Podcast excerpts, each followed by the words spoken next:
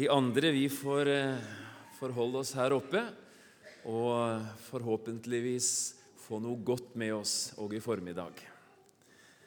Eh, det er utrolig fint å få være her i Salem og oppleve eh, store forsamlinger og sammensatte forsamlinger og masse løfterikt og spennende som skjer. Vel møtt også denne fine søndagen, Herrens dag. Vi har hatt eh, for oss et tema gjennom denne møteuka og skal fortsette med det både i formiddag og i kveld. Veien er overskriften. Og i formiddag kaller vi det for Sammen på veien. Det handler ikke så mye om alt vi opplever sånn underveis, to eller flere, men skal være noen ting omkring eh, det kristne fellesskapet. Stedet der virkelig eh, mulighetene er til å være sammen på veien. Ute på det bordet som står i foajeen, så ligger det blant mange CD-serier en som heter På festreise. Det er en gjennomgang av de 15 festreisesalmene i Bibelen. Og de er brukt på den måten at de er en veiledning for oss når det gjelder det veistykket vi går som kristne i denne verden fra start til mål. Så det kan du jo vite om er en gammeltestamentlig måte å framstille det på. Ellers, hvis det er noen som har reiselyst, så er det mange muligheter å komme til Israel i påsken. Det ligger også et lite prospekt der ute på en eh, mulighet å komme til Israel og Jordan i fellesskap. I Kristen Riksradio tar vi ansvaret for en sånn tur. Og den eh, må dere gjerne kikke på hvis noen har sånne tanker eller planer. Nå skal vi gjøre det som er det viktigste. Vi skal dele Herrens ord. La oss be sammen. Gode Far i himmelen, enda en gang så ber vi om din velsignelse over eh, dette at ditt folk kommer sammen. Herre, vi ber for barna og for lederne som nå er på søndagsskolen. Herre, velsigne de og berør store og små ved ditt ord og ditt nærvær.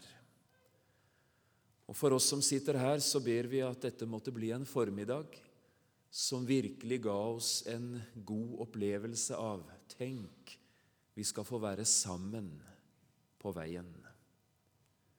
Legg det til rette for oss i tanke og sinn at dette blir dine ord inn i våre hjerter.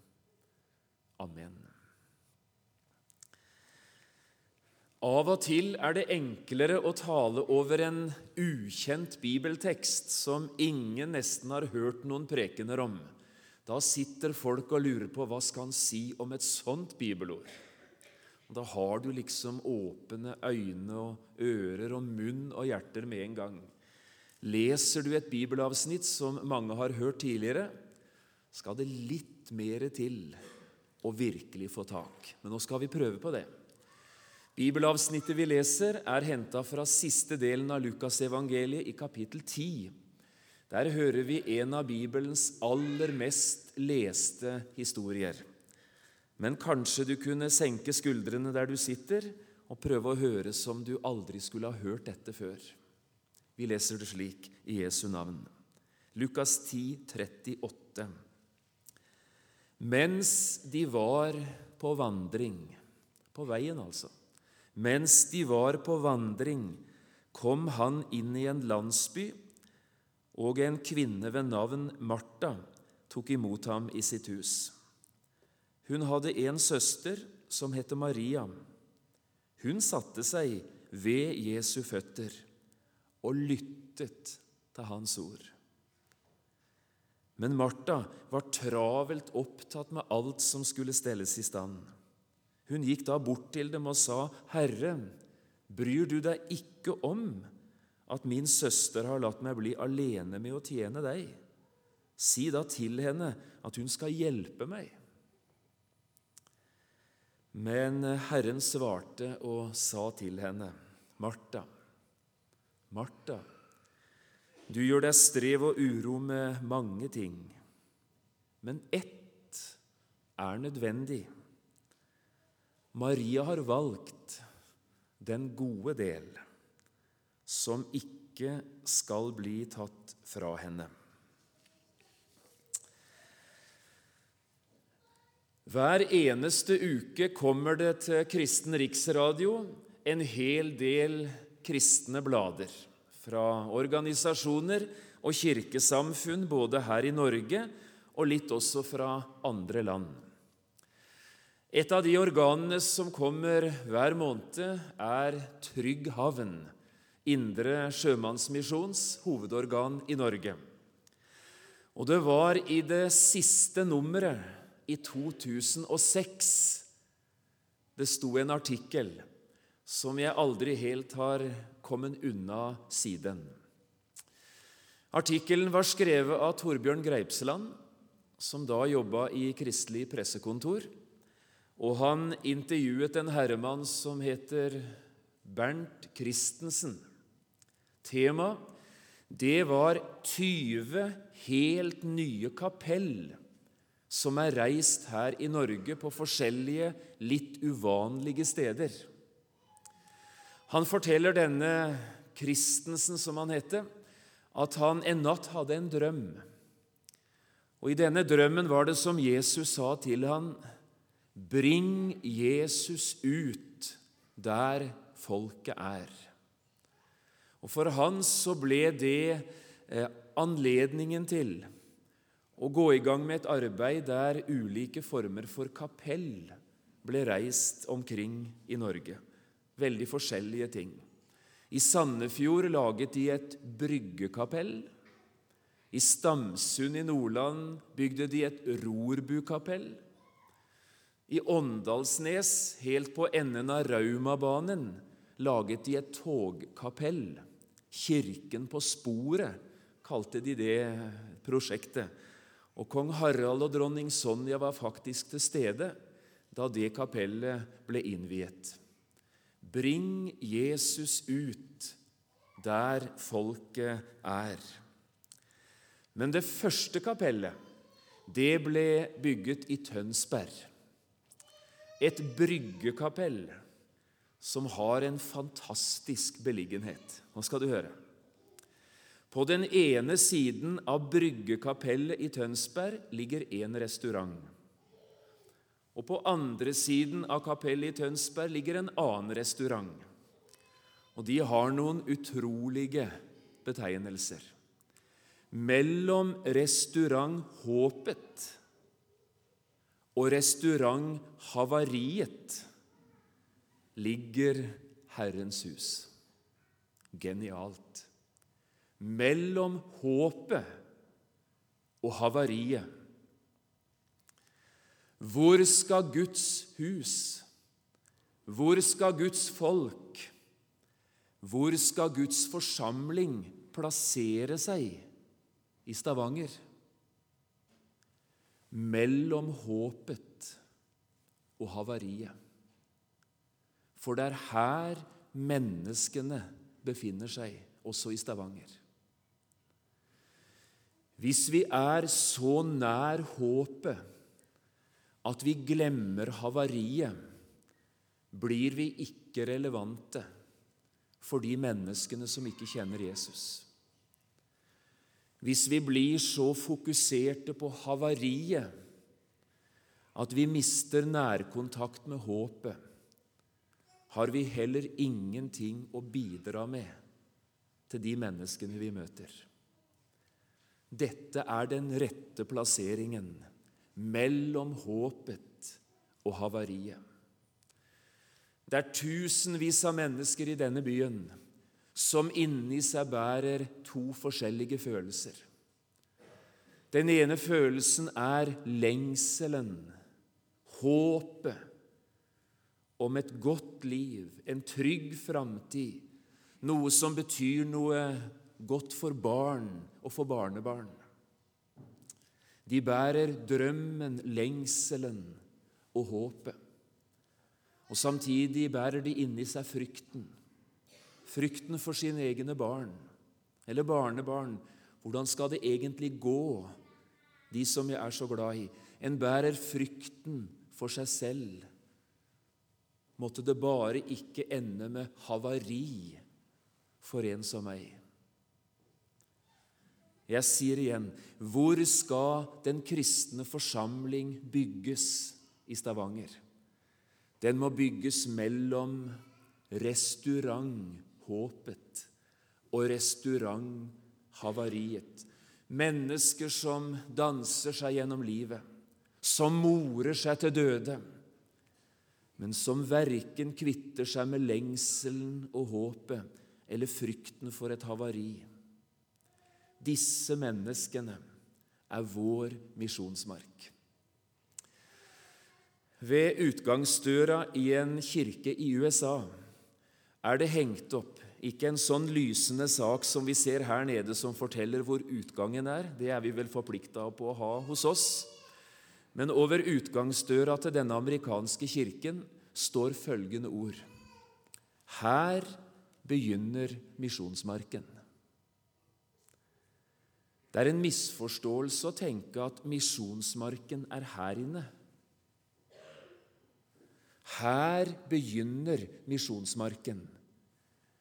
Og så var dette det siste inntrykket de fikk på vei ut i livet mellom håpet og havariet. Det er nå misjonsmarken skal inntas. Glitrende. Det var utrolig fint å lese noe av det som en gang skjedde i dette første bryggekapellet i Tønsberg. Hør på dette. En kveld for noen år siden hendte dette. Er det sant at en kan bli tilgitt? spurte ei. Ja, svarte jeg. Alt kan bli tilgitt. Så da er det sånn da som vi synger i visa til Prøysen, å starte med blanke ark og fargestifter til. Ja, svarte jeg, sånn er det. Da ønsker jeg å bli en kristen. Snart sier en til det samme. Så kom nummer tre, fire, fem, seks og sju. De ville alle bli frelst. I slike stunder merker vi at Gud er nær, sier Bernt Christensen stille.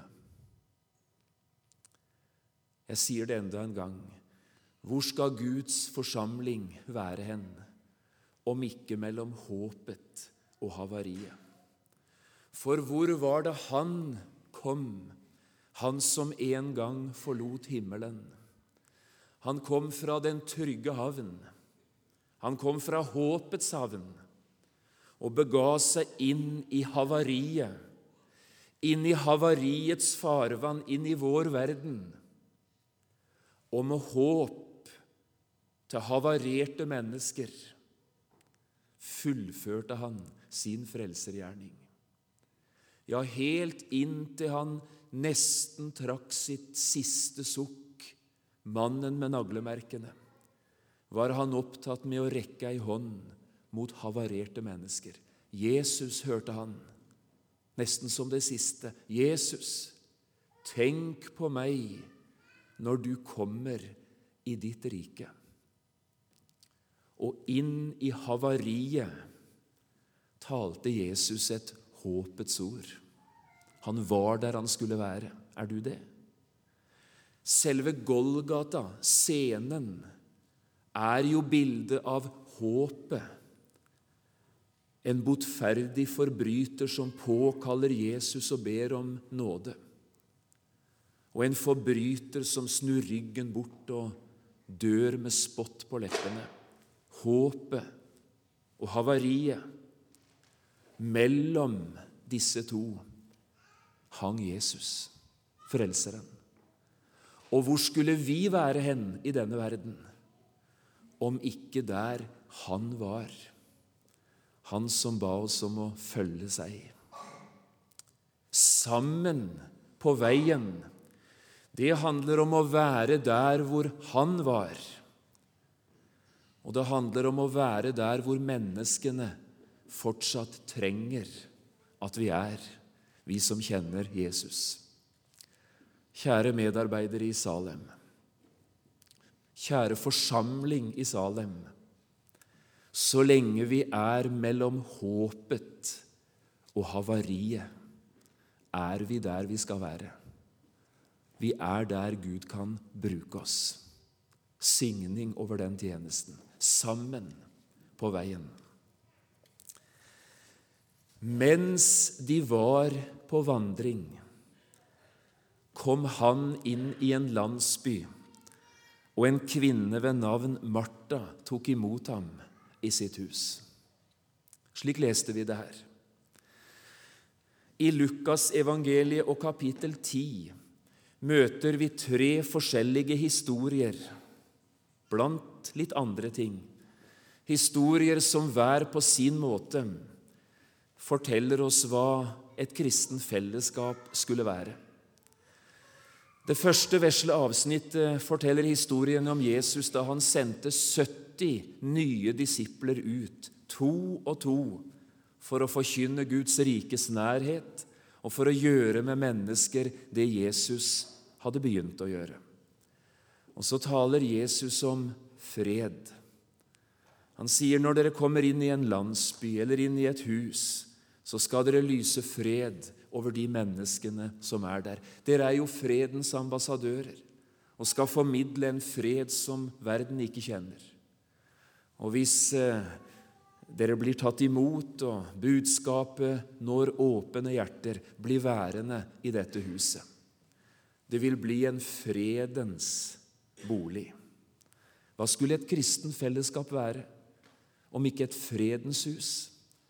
Et sted der fredens herre og fredens evangelium fikk skape fred i urolige menneskers liv. Både fred med Gud og Guds fred i hjertene. Fredens bolig. Så hører vi etter hvert historien om mannen som gikk fra Jerusalem til Jeriko, og som falt blant røvere. Husker du det? Det kom en prest, en levitt, som bare hadde evne til å se med øynene. Og i åndelige og viktige spørsmål er det lite nytte å se med øynene. Det kom en eh, samaritan som hadde evne til å se med hjertet, slik Jesus hadde.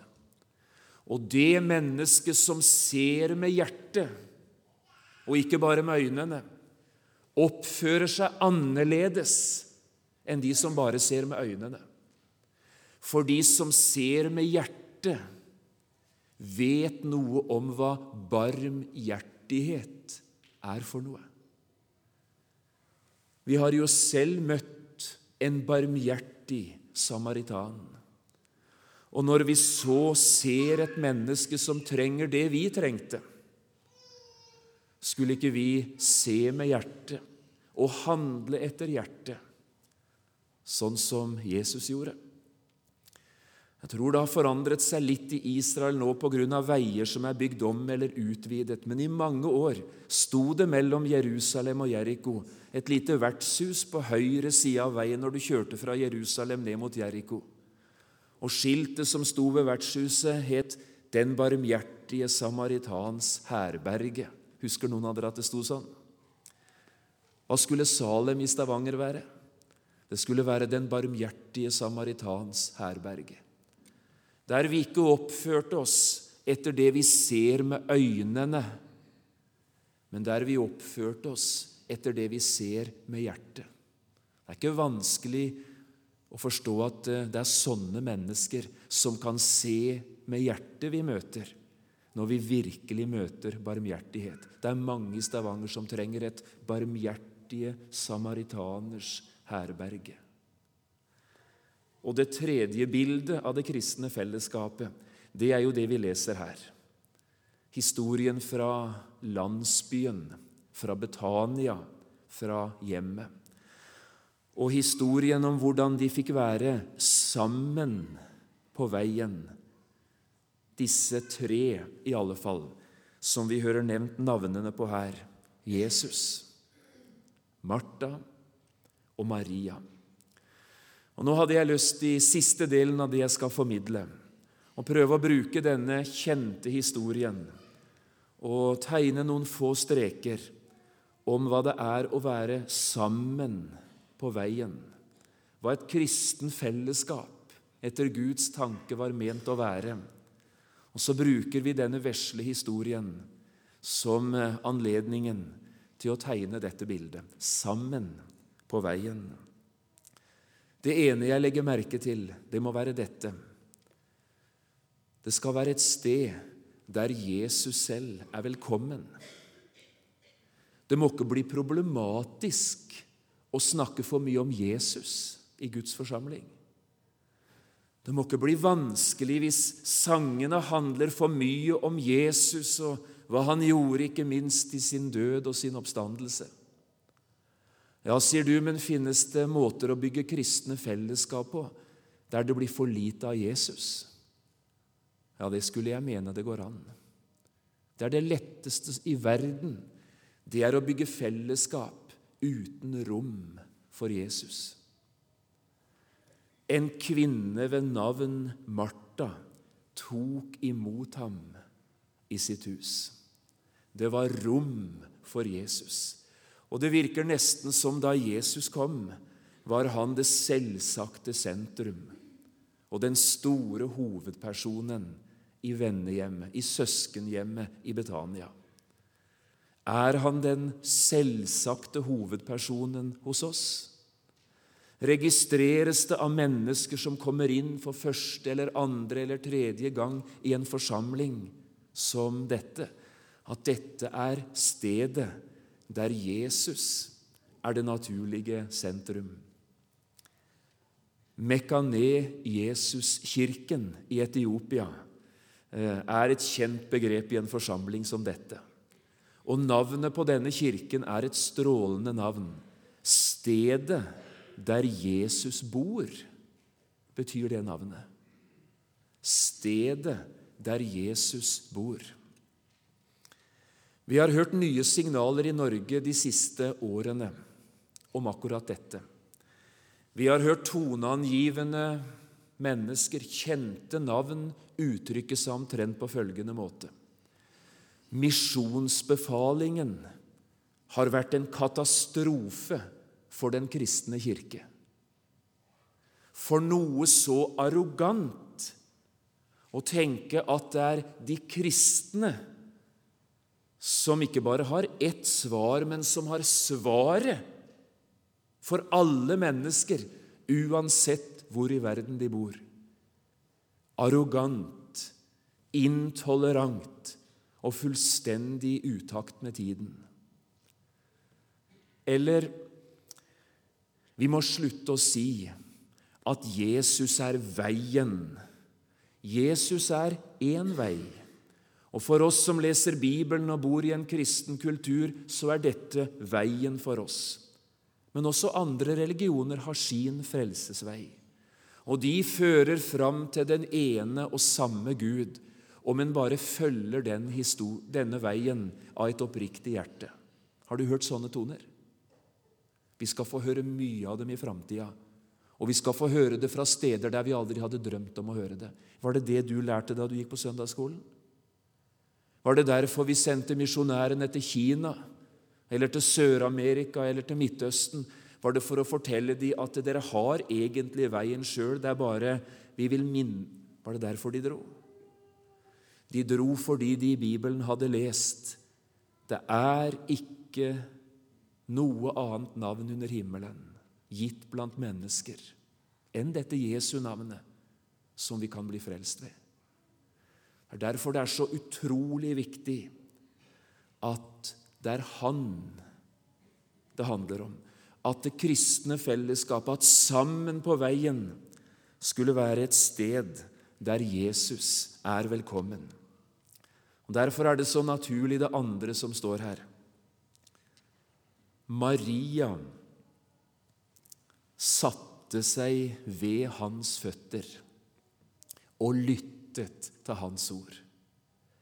Ja, hvem skulle det være mer verdt å lytte til enn han, Jesus? Selve bynavnet Betania er en preken om dette der, for det betyr rett og slett hørehuset. Huset som er der for at du skal få lytte. Et sted å lytte. Og så satte hun seg ned ved hans føtter, som skulle tale, for å lytte til hans ord. Hvorfor preker vi så mye Salem? Ja, Det er fordi det er Herrens ord det skjer igjennom. Det viktigste, det som skjer i et fellesskap som dette. Marias liv er egentlig et liv ved Jesu føtter. Hele veien. Ikke bare når hun lytter. Kan du huske hva som skjedde da Lasarus, broren og sannsynligvis forsørgeren til dette hjemmet, døde etter kort tids sykdom? Etter at Martha har løpt han i møte når Jesus kommer fire dager for sent, så rusler Maria stillfarent ut med en ordløs sorg. Kan du huske hva det første som skjedde?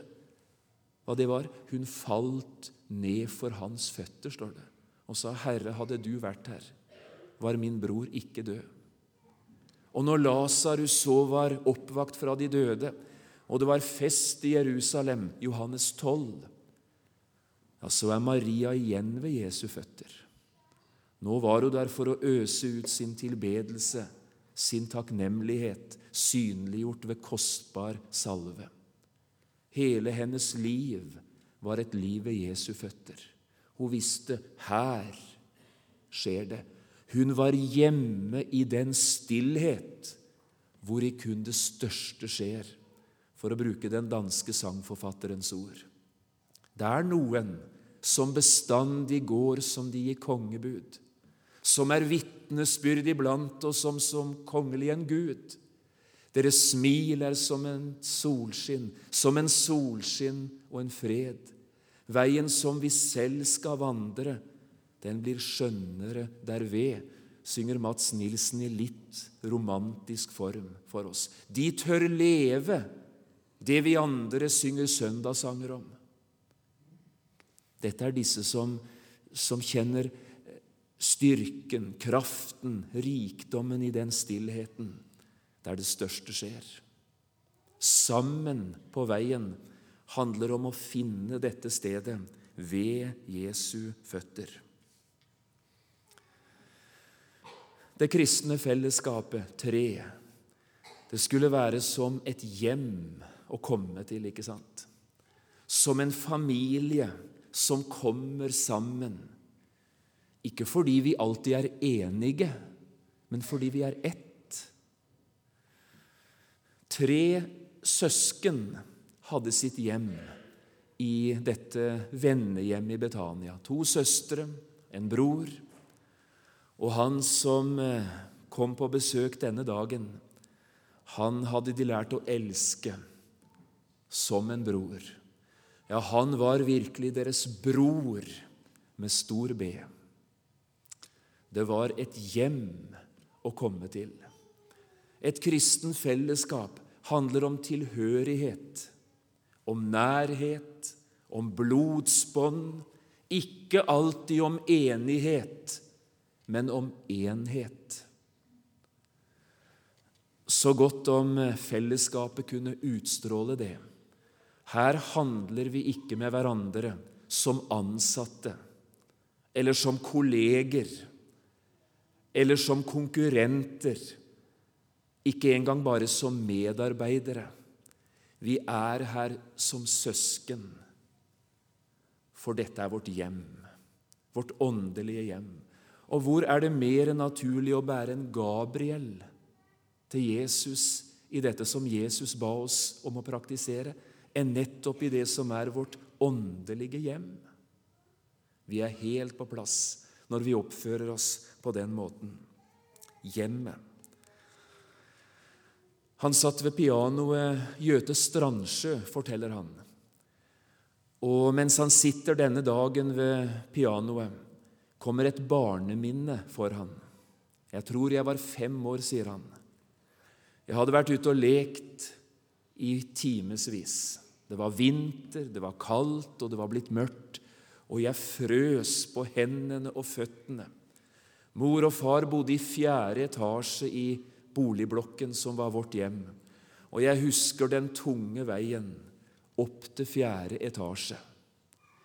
Men da jeg så kom inn, møtte jeg mor. Og varmen Hun tok av meg de kalde klærne og varmet fingrene mine og kokte varm kakao.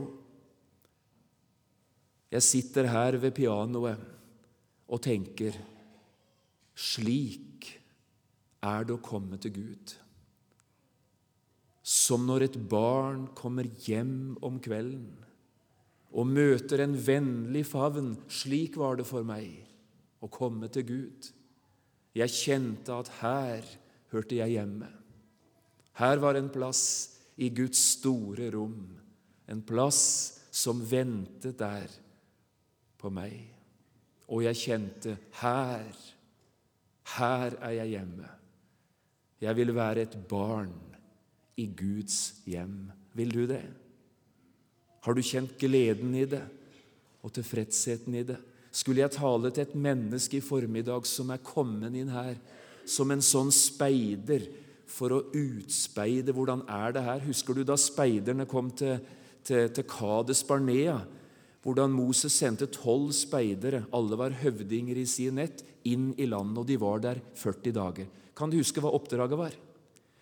De skulle sjekke hvordan landets frukter var, hvordan byene så ut som det var bygd inn i dette landet, om det var høye murer og vanskelig å komme inn.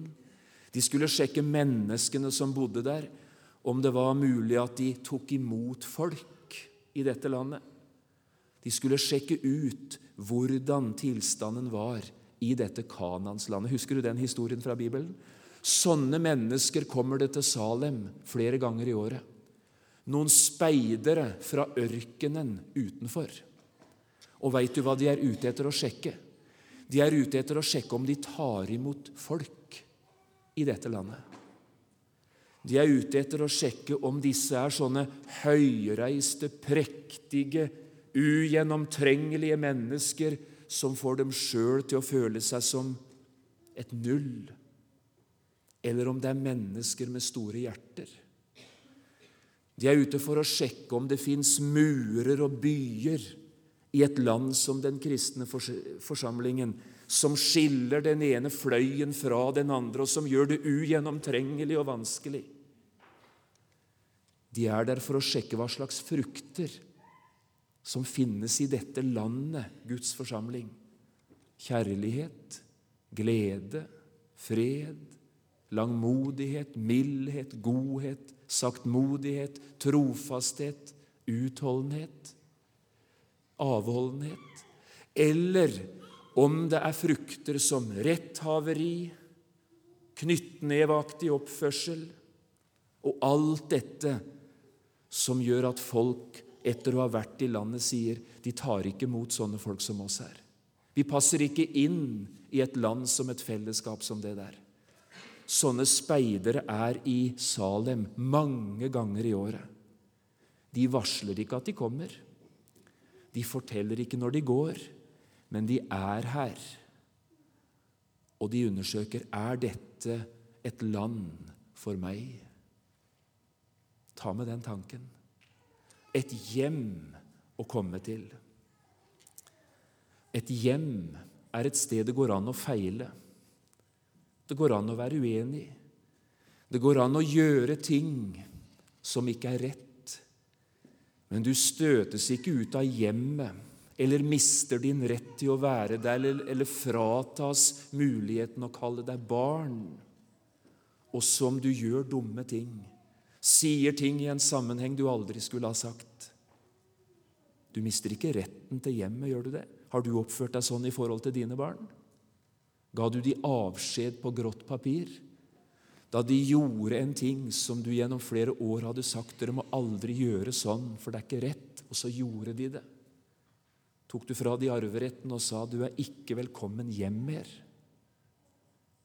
Det er Noen ganger det er vanskelig, men vi gjør ikke sånn med våre barn. Vi gjør ikke slik med søsken i Guds forsamling heller. Det er jo et hjem. Et hjem. Og noen ganger gråter vi i et hjem, for alt er ikke som det skulle være. Men det er bedre å gråte innenfor hjemmets vegger enn å måtte gråte utenfor. Nå er jeg snart i målområdet. Og en formiddagssamling som dette skal vel ikke være timevis med bibelundervisning. Men jeg syns det er så strålende i formiddag å få si noe om dette sammen på veien. Og de siste par ting jeg har å si, ligger meg på hjertet. Hør nå. Et forsamlingsliv, et kristent fellesskap, skal være et sted å være mer enn et sted å gjøre. Hørte du det? Utrolig mange ting i livet vårt, i det alminnelige, i det hverdagslige, handler om å gjøre. Vi skal levere resultater, vi skal prestere, vi skal yte. Det handler om å gjøre hele veien. Og sånn kan det lett bli i et kristen fellesskap. Du er verdifull så lenge du kan gjøre noe, så lenge du kan bidra med noe så lenge du er i stand til å stille opp med krefter og mot og penger og innsats og alt dette der. Det er utrolig mange ting vi skal gjøre i et kristen fellesskap. Og hvis det ikke blir gjort, fungerer ikke et kristen fellesskap. Men hva er viktigst? Det er noe som er viktigere enn å gjøre. Det er å være. Og det må være et sted der det går an å være også for den som ikke får til å gjøre, eller som er i ferd med å komme i en livssituasjon der jeg ikke lenger er i stand til å gjøre. Jeg har ei mor boende hjemme på Notodden. Hun er 85 år gammel. Hun har brutt sammen i kroppen sin pga. leddgikt og kan bare bevege seg nå ved hjelp av to krykker. Og Helst ønsket vi at hun skulle ha både trygghetsalarm og besøk av den ene og den andre. Men mor er såpass stolt at 'jeg vil klare huset mitt så lenge jeg kan'. Og vi er bare redd for at den dagen plutselig kommer, da hun har snubla i en dørstokk, og så er det et lårhalsbrudd eller et eller annet. Mor hun har vært et sånt forsamlingsmenneske hele livet. Jeg vokste opp med predikanter boende ukevis hvert halvår, for det var møteuker i ett kjør. Alltid når det var møte, var mor på bedehuset. Var det fest, stilte hun med potetkaker eller lomper. Satt litt i styret, sto alltid i musikklaget og var med hele veien. I dag kan hun ikke mer. Baker ikke potetkaker mer. Kan ikke sitte i noe styre. Står ikke i felleskoret mellom Misjonssambandet og Nordmisjon på Notodden går på møter alt hun bare orker, men kan ikke gjøre noe lenger. Iallfall ikke synlig. Men det er lov for mor å være i Guds forsamling fremdeles, er det ikke det? Det er like mye bruk for mor, er det ikke det? Selv om hun ikke lenger kan gjøre. Martha var travelt opptatt med å tjene ham. Og Gud velsigne alle som er travelt opptatt med å tjene og gjøre. Men det er noe som er viktigere enn å gjøre. Det er å være. Dette er et ord til deg som er kommet i en situasjon der du føler du er ikke i stand til å gjøre lenger. Du har fått nærkontakt med utbrenthet, f.eks. Du har fått en nedtur både som menneske og som kristen som gjør at du kjenner deg ikke sjøl igjen og de andre kjenner deg ikke igjen heller. Eller du er så trøtt etter nattevåk og småbarnsstell eller etter konflikter på jobben at du er helt utlada. Det er utrolig sårbart, for nå kan jeg ikke lenger bidra med noe. Gud gi det var et hjem der det fremdeles var viktigere å være enn å gjøre. Og så er hjemmet, forsamlingen, et sted der du må velge. Vi slipper aldri unna valget.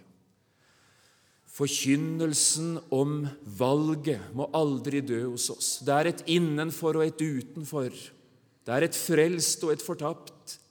Det er et ja til Jesus og et nei til Jesus.